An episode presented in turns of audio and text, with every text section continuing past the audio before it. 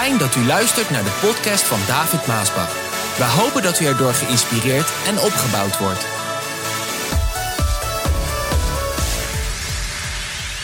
Gethsemane, daar heb je wel eens van gehoord, Gethsemane?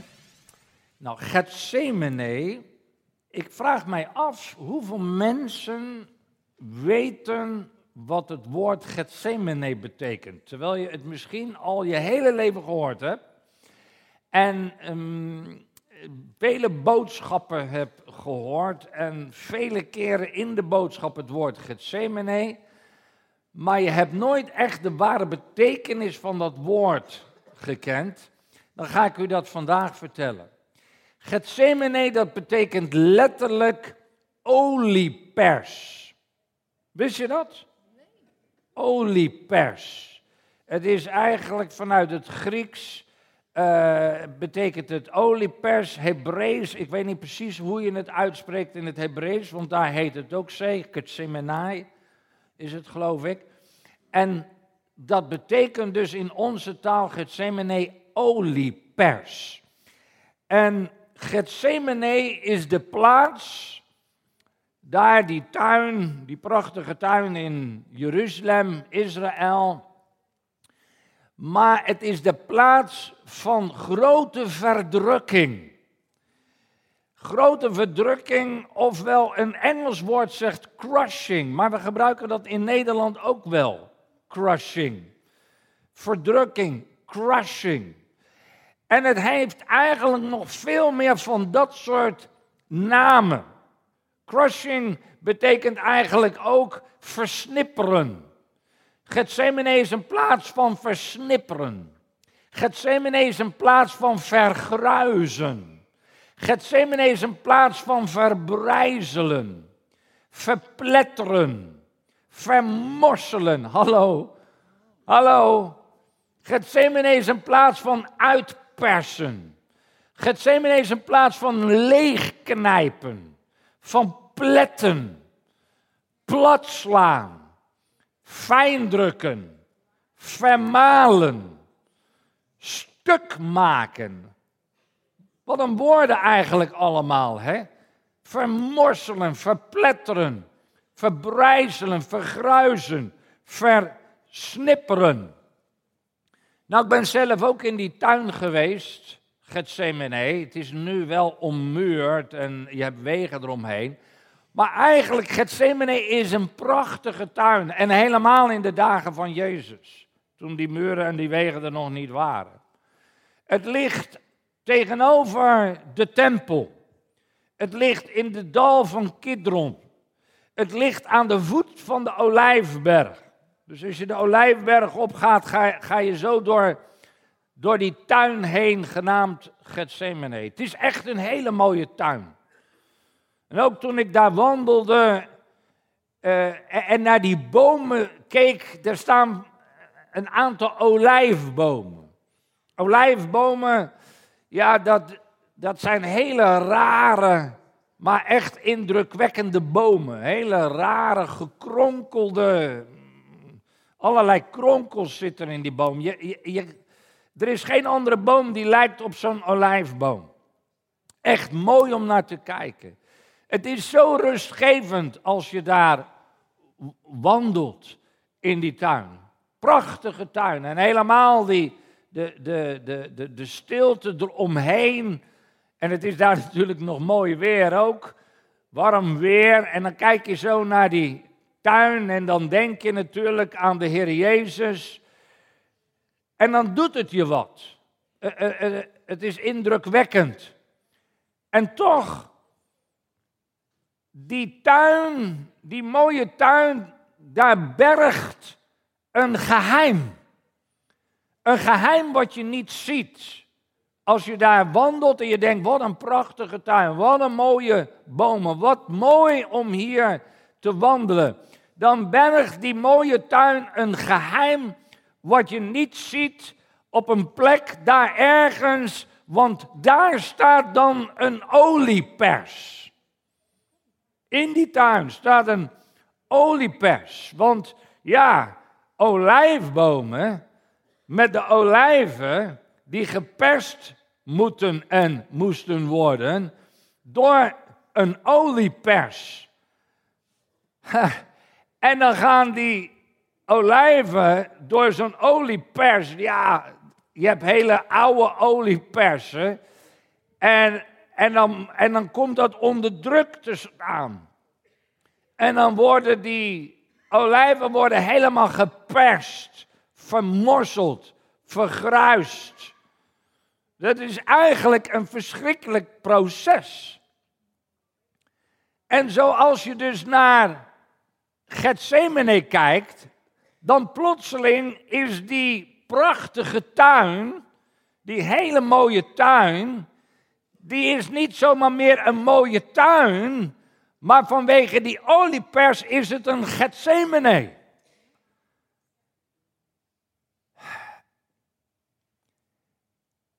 En dan denk ik aan een ander Gethsemane, als je kijkt naar de planeet Aarde. Het is van buiten mooi, net als die tuin. Het is mooi van buiten. Maar als je dus in Gethsemane gaat en je komt in de wijn of in de oliepers, dan is het een verschrikkelijke tuin. Een, een tuin waar je vermorseld wordt, vergruist wordt, verbrijzeld wordt. En als je dan naar de wereld kijkt, zie je ook eigenlijk zo'n indrukwekkende samenloop van omstandigheden.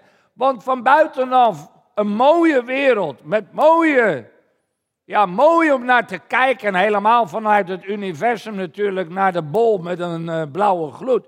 Maar kom je op en in de wereld, dan zie je talloze mensen over de hele wereld die door een fase gaan van verbrijzeling en vergruizing en vermorseling en verplettering. Wat een ellende. Wat een verdriet. En met name Gods kinderen. Wat een ellende en verdriet gaan Gods kinderen door periodes heen dat het onvoorstelbaar is waar ze doorheen moeten gaan. En misschien gaan vandaag hier ook mensen door het Gethsemane heen. De profeet Jeremia die zag ook zijn volk door zo'n fase heen gaan van verschrikkelijke verplettering. En dan zegt hij, is er dan nergens een medicijn? Waar haal ik dan, waar moet ik heen?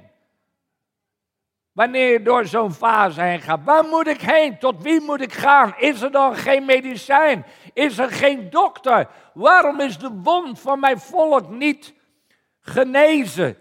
Sommige kinderen Gods gaan door verschrikkelijke ellenden en perioden in hun leven. Misschien jij nu. En de mensen om je heen weten het niet. Waar is een dokter? Wat voor medicijn? Hoe kom ik eruit? Ik zie het niet meer zitten. Velen zijn er die een einde aan hun leven maken. Ik zie geen uitweg. Er is geen medicijn. Wat moet ik doen? Waar moet ik gaan? Hoe kom ik eruit? Lieve mensen, ik heb die fases ook in mijn leven meegemaakt. Ik zal een klein stukje uit mijn nieuwe boek lezen. Verlies nooit je geloof.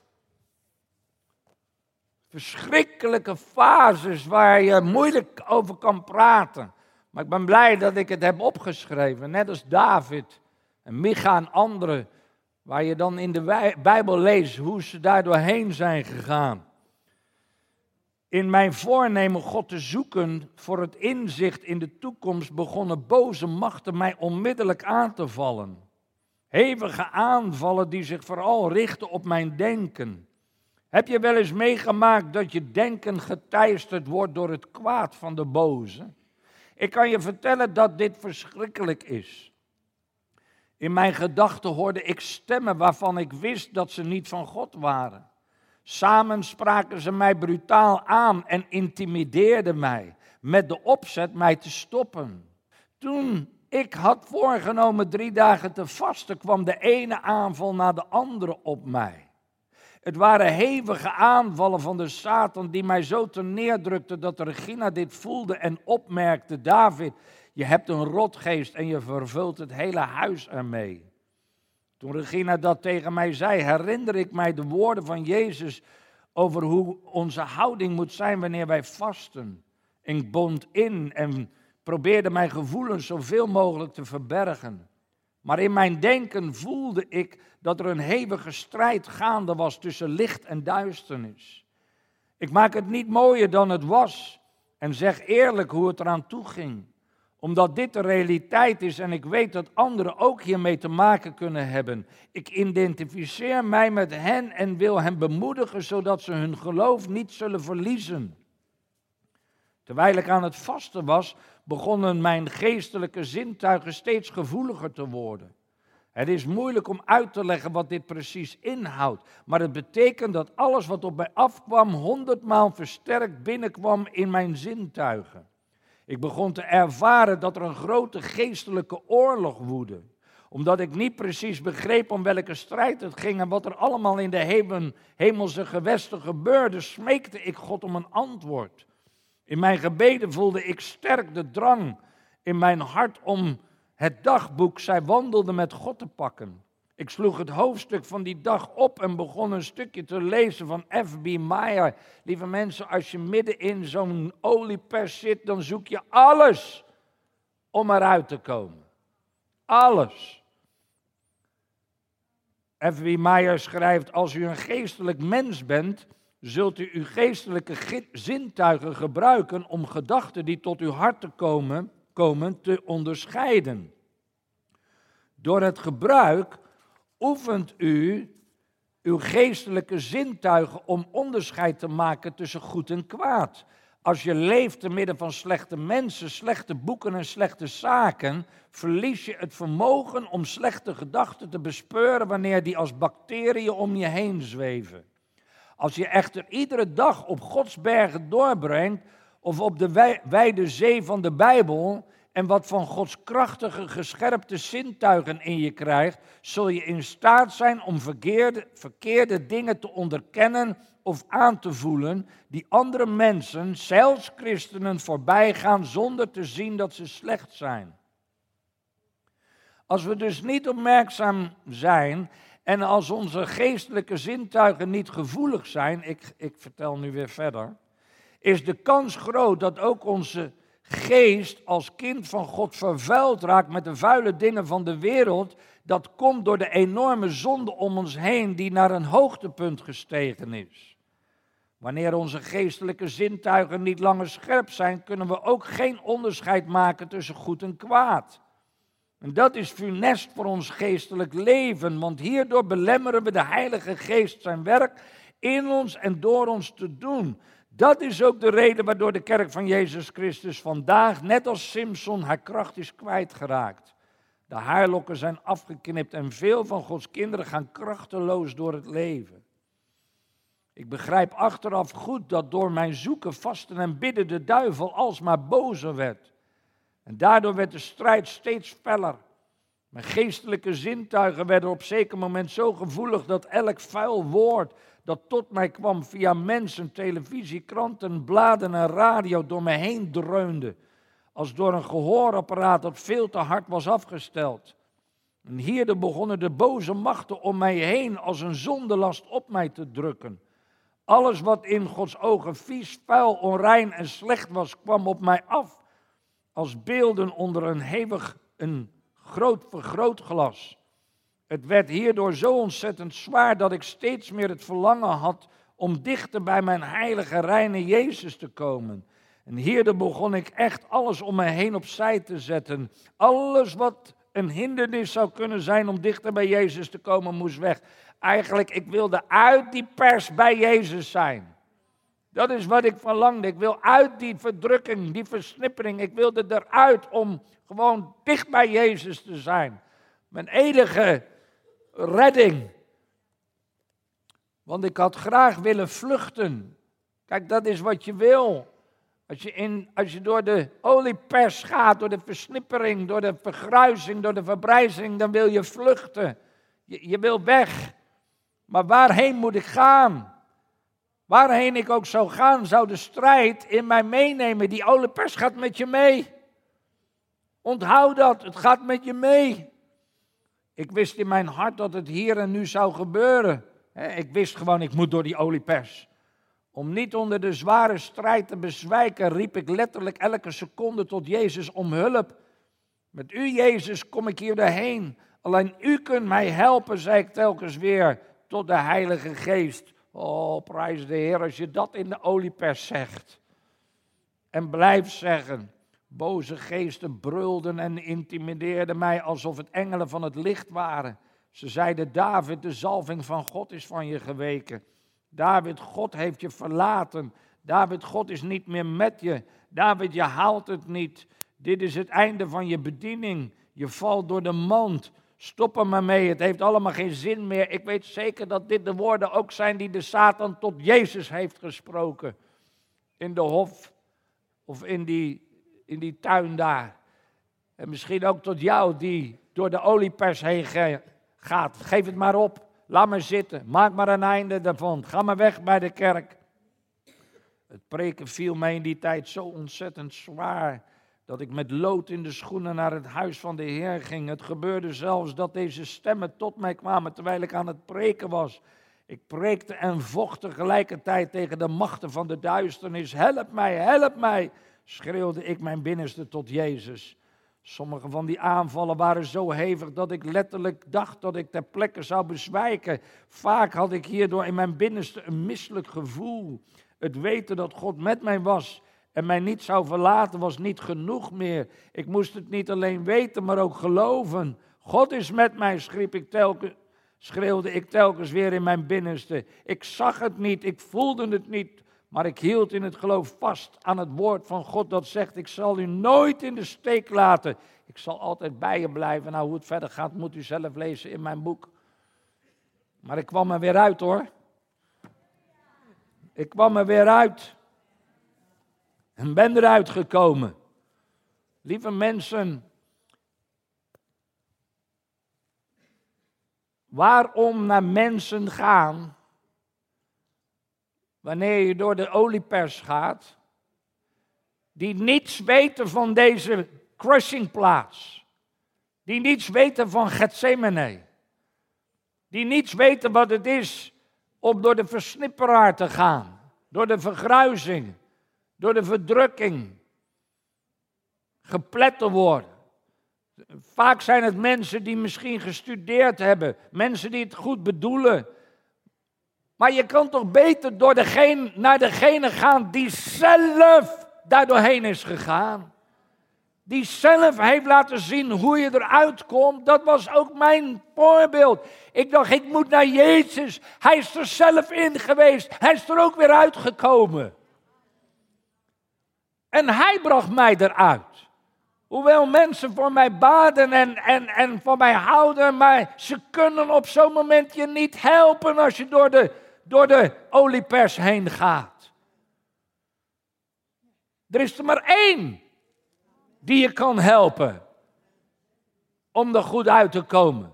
Is het niet waarom daarom Hebreeën zegt, Jezus, de Zoon van God, onze grote hoge priester, die naar de hemel is gegaan om ons te helpen. Daarom moeten wij geen ogenblik aan Hem twijfelen.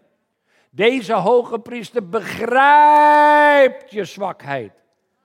Hij begrijpt wanneer je door de oliepers heen gaat en hoe je dan reageert en hoe raar en gek je soms kan reageren dan. Terwijl misschien andere mensen denken dat je gek bent. En dat je zelf bijna denkt dat je gek wordt. Als je daar doorheen gaat. Hij begrijpt je. Omdat hij zelf de verleidingen heeft gekend als wij. Maar hij heeft er geen ogenblik aan toegegeven. Hij heeft nooit gezondigd. Laten wij daarom vrijmoedig naar de troon van God gaan om van Hem genade te ontvangen, om hulp te krijgen, juist in die ogenblikken dat je door de oliepers heen gaat. Dat je door een Gethsemane in het leven gaat. Hij weet hoe het voelt. Hij is, hij is verraden. Hij is verlogend. Hij is verlaten door al zijn vrienden. Hij is bespuugd geworden terwijl hij niks fout had gedaan en alleen maar goed deed. Hij weet wat het is om verlaten te worden. Hij weet wat het is als ze vals over je spreken en valse getuigen aanvoeren. En als ze zeggen, kruisigt hem weg met hem. Hij weet het allemaal. Zo, hij weet hoe een Gethsemane voelt. Nu zegt God in Leviticus 20, hij zegt dus heilig uzelf en wees heilig, want ik de Heere uw God, want ik ben de Heere uw God.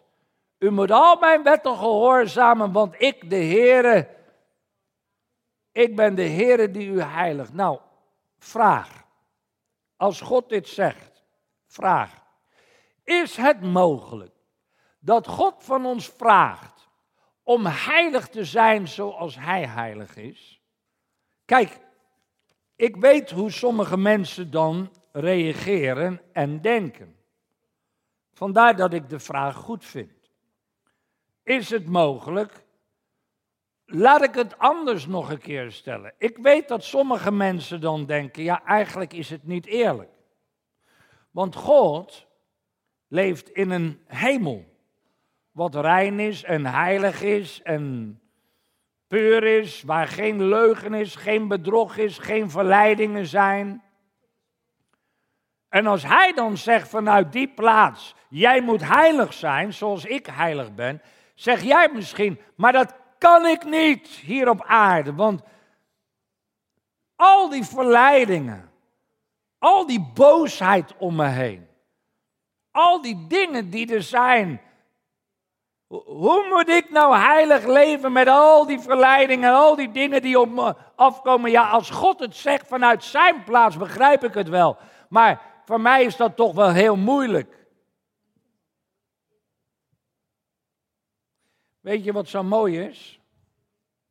Daarom is die incarnatie zo belangrijk van Jezus, van God. Dat betekent die vleeswording.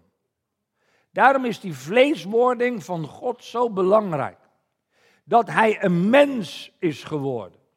Zoals u en ik, zoals jij en ik. Met andere woorden, we hebben het net ook gelezen. Hij is ook in die verleidingen geweest. Hij is ook in die boze wereld geweest. Hij heeft te maken gehad met dezelfde dingen waar jij en ik mee te maken hebben. Hij was bezig zijn hele leven, nee laat ik het anders zeggen, in die drie jaar dat hij met zijn discipelen wandelde, was hij bezig om hun te laten zien dat het mogelijk was om heilig te wandelen op deze wereld. Want hij liet dat zien in zijn leven. Want hij gaf niet toe aan dezelfde verleidingen en dingen die ze hem aandeden, deden ze de discipelen aan. Die ze de discipelen aandeden, deden ze hem aan. Hij is er ook doorheen geweest. Hij was altijd bezig om te laten zien dat het mogelijk was om heilig te leven. Hij is drie jaar lang bezig geweest om van een Simon een Petrus te maken. Elke keer onderwees hij hun. Elke keer was hij geduldig en liet hij zien hoe het ook kon. En toch faalden ze elke keer, de discipelen.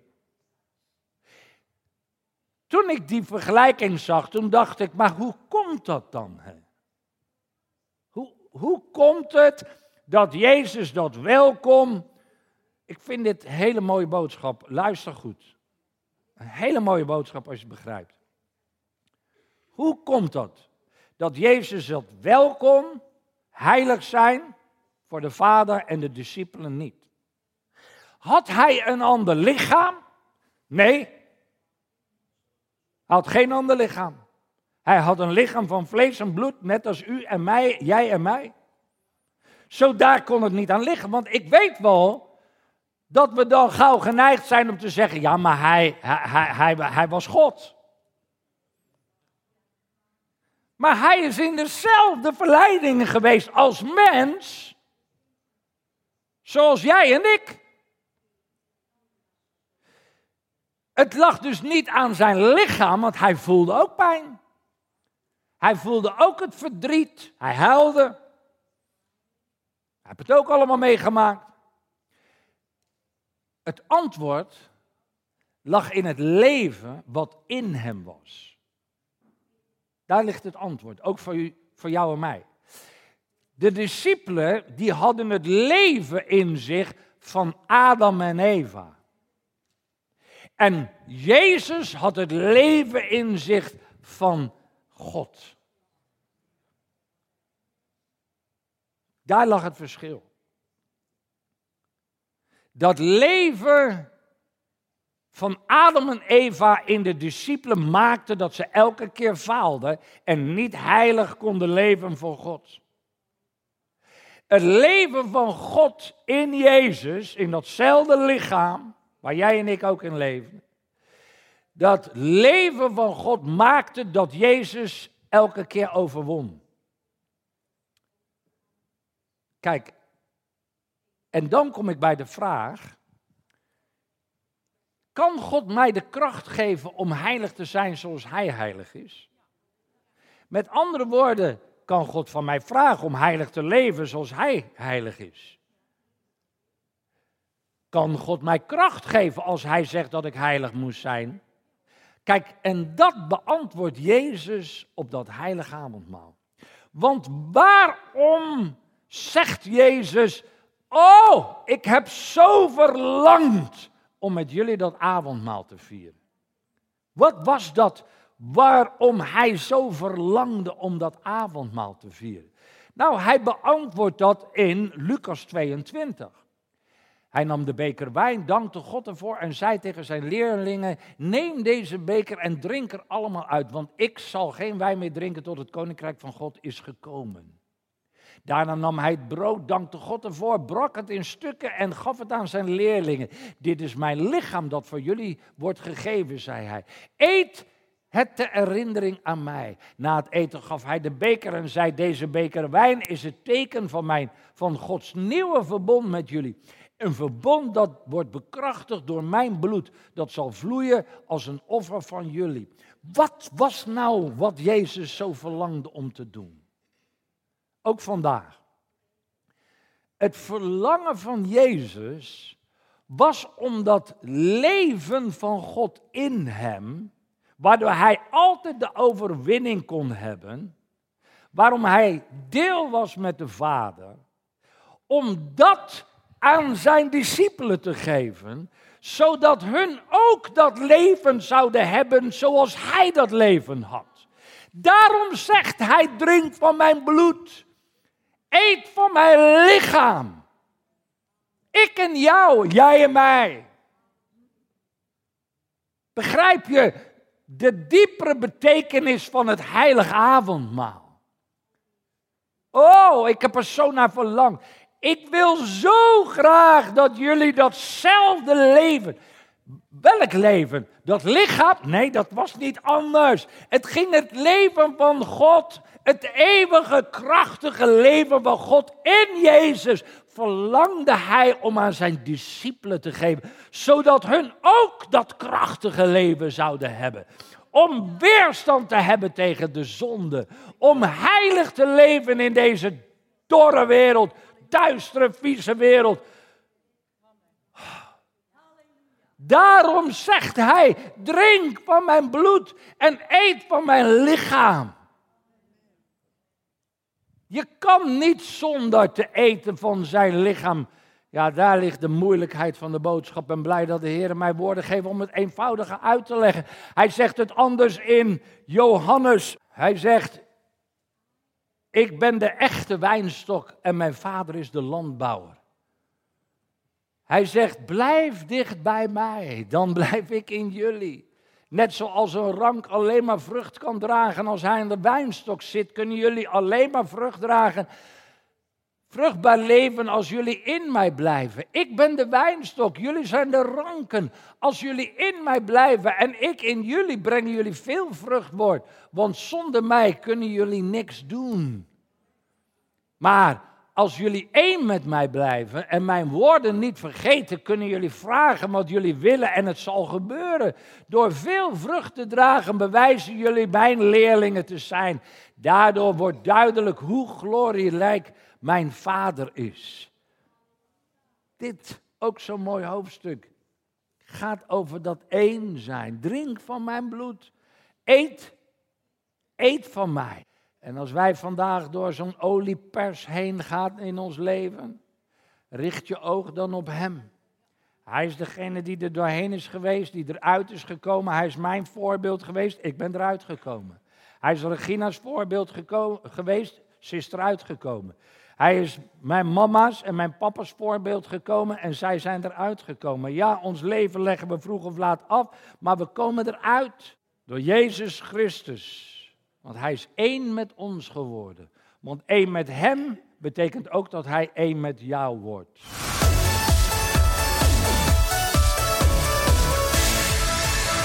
Bedankt voor het luisteren naar deze podcast. Wilt u meer preken beluisteren? Ga dan naar message.maasbachradio.com. Bezoek ook eens onze website www.maasbach.nl.